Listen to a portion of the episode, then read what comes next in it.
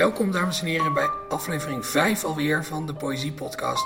Mijn naam is Daan Doesborg en ik zit hier in de kleine zaal van Splendor met Ellen Dekwiets, die jullie allemaal kennen als eh, columniste van eh, NRC Handelsblad, maar ook als eh, weergeloos dichter. Ellen, welkom. Dank je. Laten we maar meteen met de deur in huis vallen. Jij hebt een gedicht meegenomen van de Ierse dichter Dennis O'Driscoll. In je eigen vertaling, zou je dat voor ons voor willen lezen? Ja, graag. God missen. De broodproductie neemt toe dankzij granen die op wetenschappelijke wijze ziektekiemvrij zijn gemaakt om zijn fouten te verkleinen. En toch, ondanks onze jeugdige opstandigheid, voldaan als we zijn om het verbannen van een benauwende vader die in de woestijn een bebaarde kluizenaar werd, soms geven we toe dat we hem missen. We missen hem als tijdens het burgerlijk huwelijk boven het bloeiend altaar van de ambtenaar we vergeefs wachten op een zin met woorden als tot de dood en in naam van de Vader. We missen hem als we voor het eerst op het knobbeltje in de borst stuiten en een onwillig gebed aan onze lippen ontsnapt. We missen hem als we plots of woedend zijn naam uitroepen, als een vrouw op een kraamafdeling roept om haar lang geleden overleden moeder. We missen hem als we luisteren naar de profetie van de astronomen dat alle waarneembare sterrenstelsels zich van elkaar verwijderen zolang het universum uitdijt. We missen hem als de geliefden hun schouders ophalen buiten het goedkope motel, peinzend wat hun volgende stap moet zijn. En soms voelen we ons zelfs nostalgisch. Wachten we op zijn wederkomst, alsof we ons bevinden in een bakstenen duivenkot nadat de vogels zijn uitgevlogen.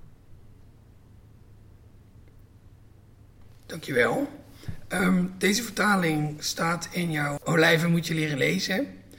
Uh, een cursus genieten van poëzie staat uh, op het omslag. Weet ik niet uit mijn hoofd, maar lees ik daar. Uh, wat heb jij met het werk van Dennis O'Driscoll? Nou, niet superveel. Sommige dichters hebben één gedicht... wat een hele bestaan als dichter rechtvaardigt. Hè? Thomas Blondeau, wijde Thomas Blondeau, schrijver, een goede vriend van mij, zei altijd dat je alleen maar dichter bent om dat ene gedicht te kunnen maken. Wat dan het hoogtepunt is, de enige gedicht waar mensen je om gaan herdenken. En dat het eigenlijk niet uitmaakt wat je voor de rest schrijft. En voor mij is dit gedicht dat van O'Driscoll, omdat het refereert aan een gevoel wat ik zelf ook heb sinds ik van de oude vorm van mijn geloof afviel. Ik heb jarenlang fanatiek in God geloofd. Hè. In een vreemde mix. Mijn grootmoeder was katholiek, dus ik ging mee naar de missen. Ik leerde ook de diensten op die manier kennen. En mijn school en omgeving waarin ik opgroeide, Twente, waren streng protestant. Dus ik groeide op als een soort hybride gelovige. En op een zeker moment, als je rond de 17, 18 jaar bent, ga je toch met rationele argumenten proberen dat gelovig ledemaat van jezelf af te snijden. En dan houd je een fantoompijn over. Zoals Neskio al zei, als je eenmaal in God hebt geloofd, heb je altijd het gevoel dat iemand met je meekijkt over je schouder heen. Dat is zowel een prettige als een zeer nare ervaring. En die sensatie omschrijft O'Driscoll heel erg goed hierin. Niet alleen het gevoel dat je iets ontbeert, maar ook dat je een neiging hebt, een neiging tot handelen, die verwijst naar iets wat er misschien helemaal niet is.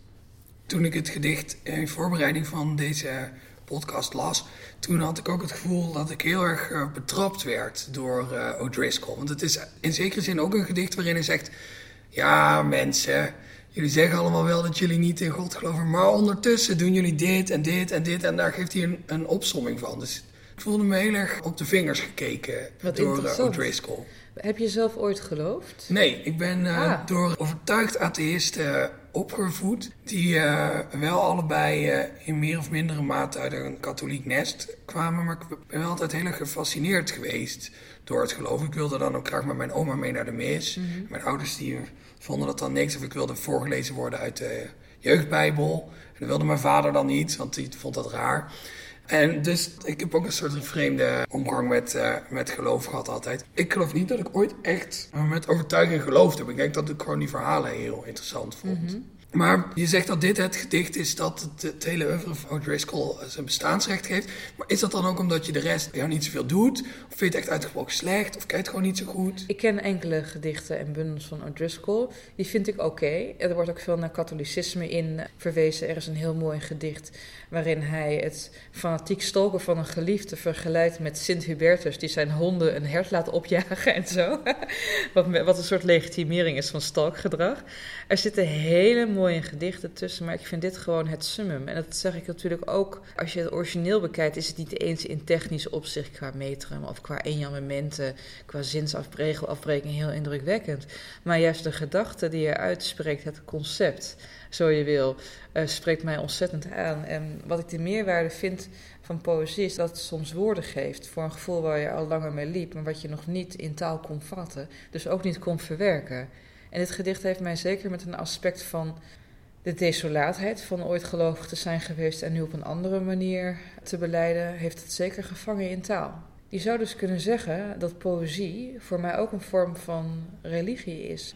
We hebben allemaal, of we nou literatuurwetenschap hebben gestudeerd of loodgieterschap, we hebben allemaal een idee wat poëzie is. Het moet mooi zijn, het moet de waarheid vertellen.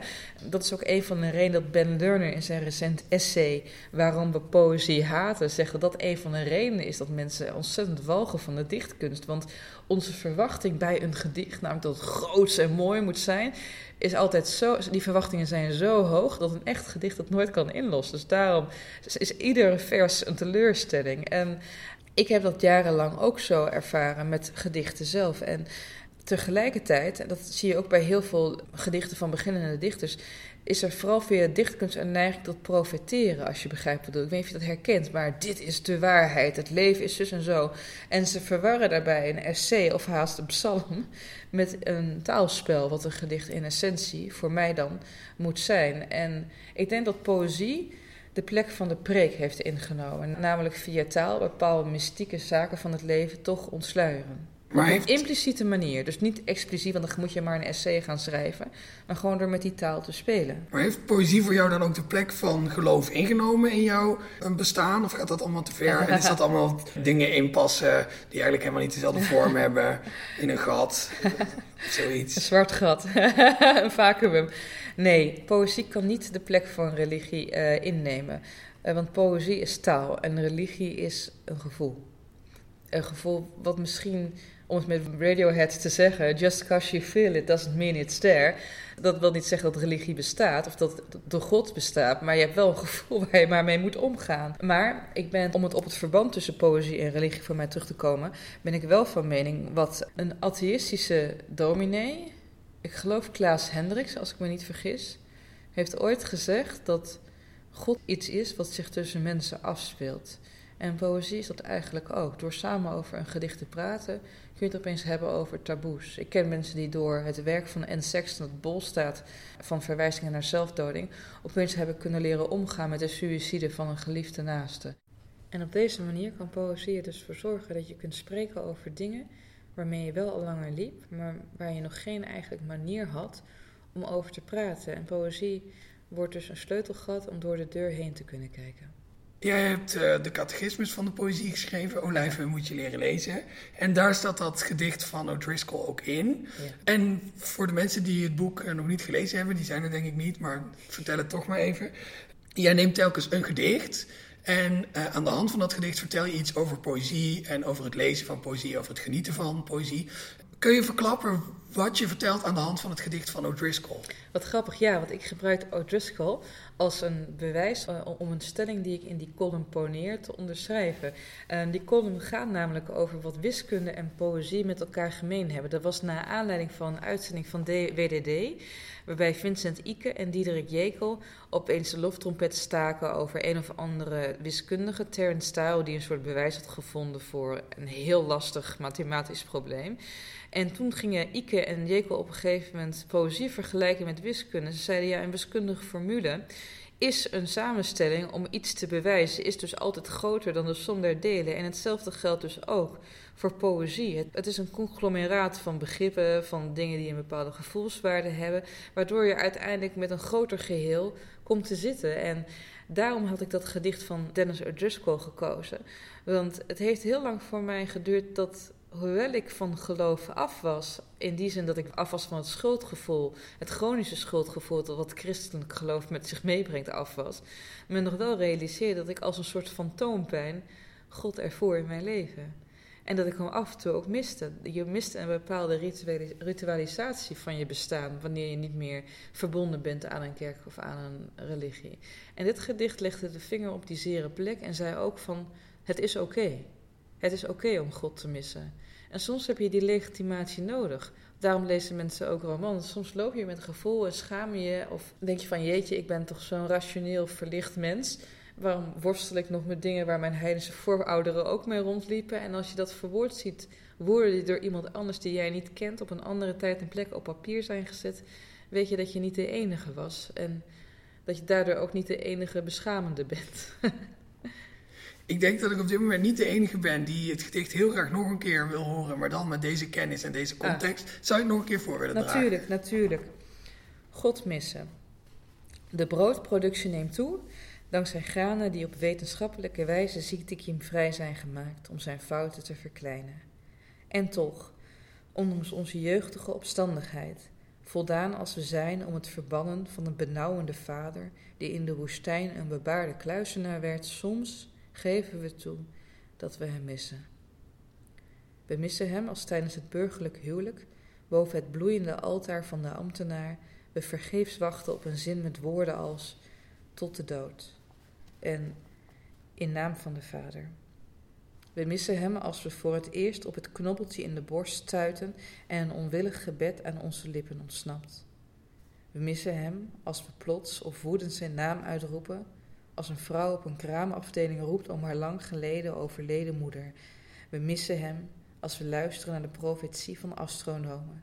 Dat alle waarneembare sterrenstelsels zich van elkaar verwijderen zolang het universum uitdijt. We missen hem. Als de geliefden hun schouders ophalen buiten het goedkope motel. Pijnzend wat hun volgende stap moet zijn. En soms voelen we ons zelfs nostalgisch. Wachten we op zijn wederkomst alsof we ons bevinden in een bakstenen duivenkot nadat de vogels zijn uitgevlogen. Dankjewel.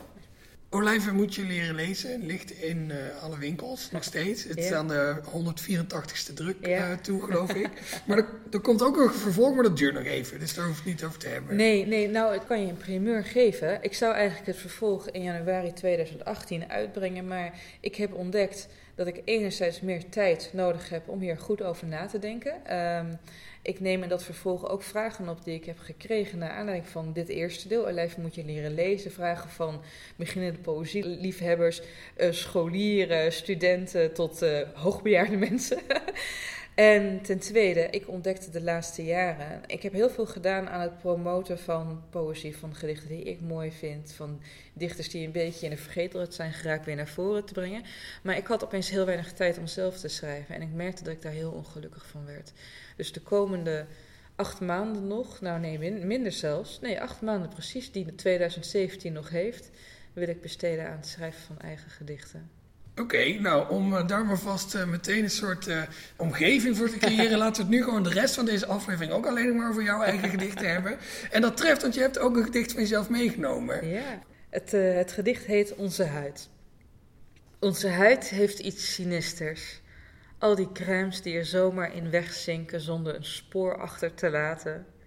Hoe de zon er sproeten op batikt en er rimpels in laat uitbreken hoe mijn huid geuren bewaart die ze liever vergat. Zoals zijn reuk nog steeds sluimert tussen mijn spleten. Ik herinner me de eerste keer. Zijn blote handen op mijn blote rug, hoe zijn vingertoppen wel inductieplaten leken, van elke porie een mondje maakte, happend naar meer, tot ook wij verweerden. Ik trok weg van ons bed, van al die uren te vergeefs slechts gekleed in mijn vel, wandelde ik naar de tuin.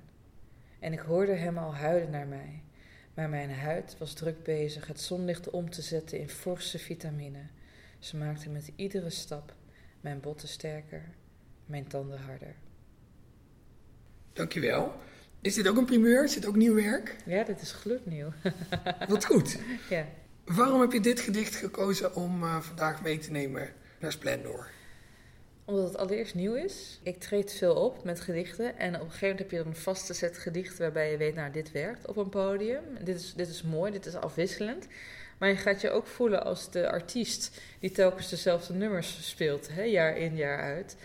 En ik vond het leuk om nu iets nieuws uh, te delen. Te meer omdat uh, dit gedicht eigenlijk heel erg op, rijm, op eindrijm is geënt. Wat ik ook leuk vind om te doen. Ik heb jarenlang in niet per se rijmende gedichten gewerkt. En nu vond ik het leuk om dit als afwisseling binnen mijn techniek uh, te laten zien, te laten horen. Dus daarom heb ik het meegenomen. En ik ben de laatste tijd heel veel poëzie aan het schrijven. En eerlijkheid gebiedt mij te zeggen dat het soms heel erg lastig is om een lijn te ontdekken in wat ik nou eigenlijk aan het doen ben. Sommige gedichten zijn compleet hermetisch, andere, zoals het gedicht dat ik zo even voordroeg, zijn goed te volgen. Er zit een narratief in dat een goede rode draad vormt. Dus ik ben nog heel erg aan het kijken welke kant ik op wil gaan. Het zou ook best wel kunnen dat ik volgend jaar, dat is mijn plan om dan een nieuwe bundel af te hebben, dat ik in één keer drie bundels uitbreng. Omdat die gedichten onderling zo verschillen en ook de onderwerpen. Natuurlijk, ik hou heel erg van om te schrijven over ons lichaam. Ik ben ervan overtuigd dat we in deze tijd waarin we met ons hoofd half in een app-wereld leven, dat, dat we veel minder bezig zijn met hoe het met ons lichaam gesteld is, hoe het voelt om bijvoorbeeld nu te dragen, hoe de bril rust op je rand van je oren, hoe het montuur aanvoelt, uh, het gevoel van plastic tegen je huid. Dat we heel, veel minder stilstaan bij de sensorische ervaringen van de wereld om ons heen. Dat we veel meer vanuit ons hoofd nog sterker dan eens tevoren aan het leven zijn. En ik denk dat daarin een goudmijn zit om via poëzie het lichaam weer lekker opnieuw te ontdekken. Dit doet me denken aan iets wat ik uh, op internet gezien heb een tijdje geleden. En het is eigenlijk heel sadistisch wat ik nu ga doen. Oh. Maar dat was een hele lijst met zinnetjes. En op het moment dat je dat zinnetje las, veranderde er iets aan hoe je je lichaam ervaart. Dat waren namelijk zinnetjes als: je bent je nu bewust van het feit dat je huid overal uh, contact maakt met je kleding. Je gaat nu handmatig ademhalen. En nu ga je handmatig ademhalen, omdat je daardoor het in dit geval horen van die zin uh, bewust van uh, bent geworden. Je voelt nu je tong in je mond zitten. En dat was, dat was zo'n hele lijst. En ik, behalve dat ik dit gewoon op een hele leuke manier sadistisch vind voor al onze luisteraars die nu heel bewust zijn van dat hun tong als een soort warm stuk vlees in hun mond ligt. Als een overtollig stuk vlees. Voel je nou hoe je tong tegen je bovenkant van je gehemelte aanplakt? Kut man! Ja, en Straks dan slik je hem in, luisteraar. Straks slik je hem in, ben je dood. En dan ondertussen ook nog handmatig ademhalen. Wat maar... doet je anus nu? ik vind het heel fascinerend dat met alleen maar woorden... dat je dus een verandering in iemands lichaam uh, kan bewerkstelligen. Maar het zou dus zomaar kunnen dat je zo'n uh, niet bij elkaar uh, onder te brengen verzameling van gedichten maakt, dat je er meerdere verzamelingen ja, van maakt. Ja, want ja, eigenlijk wel. Tenzij het juist werkt als stelwijer. Weet je wel, dat het gewoon één grote uh, vuurwerkbom wordt van een grote potpourri, een overrijpe persik aan verschillende smaken en sensaties. Ik moet nog heel erg kijken wat ik daarmee doe. De drie bundels die ik tot dusver heb uitgebracht, die zijn best wel sterk van compositie. Ik heb op het componeren van die bundels, dus hoe die gedichten zich tot elkaar verhouden en in precies welke volgorde je ze tot je kan nemen als lezer. Daar heb ik heel lang over gedaan. En het zijn eigenlijk allemaal conceptalbums geworden. Mijn eerste bundel, De Steen Vreest Mij, is eigenlijk een heel lang verhaal over iemand die worstelt met een dysfunctionele familie. Hoi mam! De tweede bundel gaat heel erg hoe je als tiener seks ervaart. En de derde bundel is eigenlijk een grote themabundel over water en uh, het klimaatprobleem. En nu met die vierde bundel, en ik merk serieus dat ik daarin vastloop, moet ik er echt voor waken om niet eerst een thema te kiezen en daarvanuit te gaan werken, omdat ik ervan overtuigd ben dat je dan bepaalde mogelijkheden kortsluit. Een bepaald gedicht kan je alleen maar op een bepaald moment in je leven, met een bepaalde set levenservaring, met een bepaalde set omstandigheden schrijven. Tien jaar later zou ik niet meer het gedicht wat ik nu heb voorgelezen kunnen maken. Dus door vooraf een thema te kiezen, beperk ik mezelf. Dus mijn plan is eigenlijk om tot en met het najaar zoveel mogelijk gedichten gewoon te maken. Dus gewoon bottom-up te werken in plaats van top-down, wat ik dus met die eerste drie bundels heb gedaan. En dan te kijken hoe ver ik kom. De situatie waarin je je in bevindt doet me wel een beetje denken aan Tom Waits. Een jaar of tien geleden had hij een hele grote verzameling liedjes die hij graag uit wilde brengen, maar hij wist niet hoe en hoe ze bij elkaar uh, moesten. En toen heeft hij uiteindelijk ook drie albums in één uitgebracht. En dat heette Orphans, Weeskinderen. En de, de, drie albums daarin, die noemde hij uh, Brani-schoppers, Huilenbalken en Bastards. En in de, oh. bij de Brani-schoppers had hij alle uptempo nummers neergezet. De Huilenbalken, dat waren alle langzame nummers. En de Bastards was alles wat niet in die categorie viel. Oh, maar die dat is die, jammer dan. The songs that fell behind the stove while cooking. Dat is prachtig. Oh, maar ik vind die indeling heel jammer.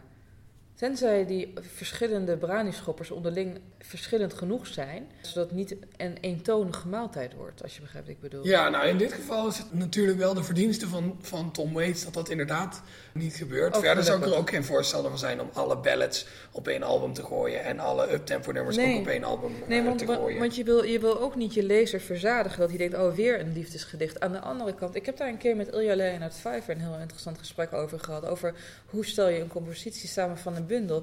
En hij zei, ja, idealiter moet je het op een onverwachte manier Dus eigenlijk volgens een ABBA-schema. A is het eerste thema, B is het tweede thema. Dus bijvoorbeeld, je opent met een cyclus gedichten over liefde. Daarna B over de oorlog. Daarna weer B, dus weer over de oorlog. Je derde cyclus. En je sluit weer af met A, met gedichten over de liefde. Dus dan, dan zet je je lezer ook meteen aan het werk om het rond te krijgen. Maar weet je, er zit momenteel zoveel vuur in mijn hoofd. Ik ben ook verliefd. Ik heb vorig jaar heb ik de relatie uitgemaakt met de man met wie ik echt dacht oud te zullen worden. Dus mijn leven is in een hele korte tijd heel erg veranderd. Ik ben moeder geworden van drie schattige cavia's. Dus zijn, eh, mijn leven is heel divers geworden. En daar schrijf ik dus ook hele diverse dingen over. Ik, ik heb het klappen van de zweep geleerd. Uh, hoe hard mensen tegen je kunnen zijn door dat deel te nemen aan de slimste mens. Dat zelfs mensen die ik als vrienden of goede collega's beschouwde opeens een mes in je rug willen duwen.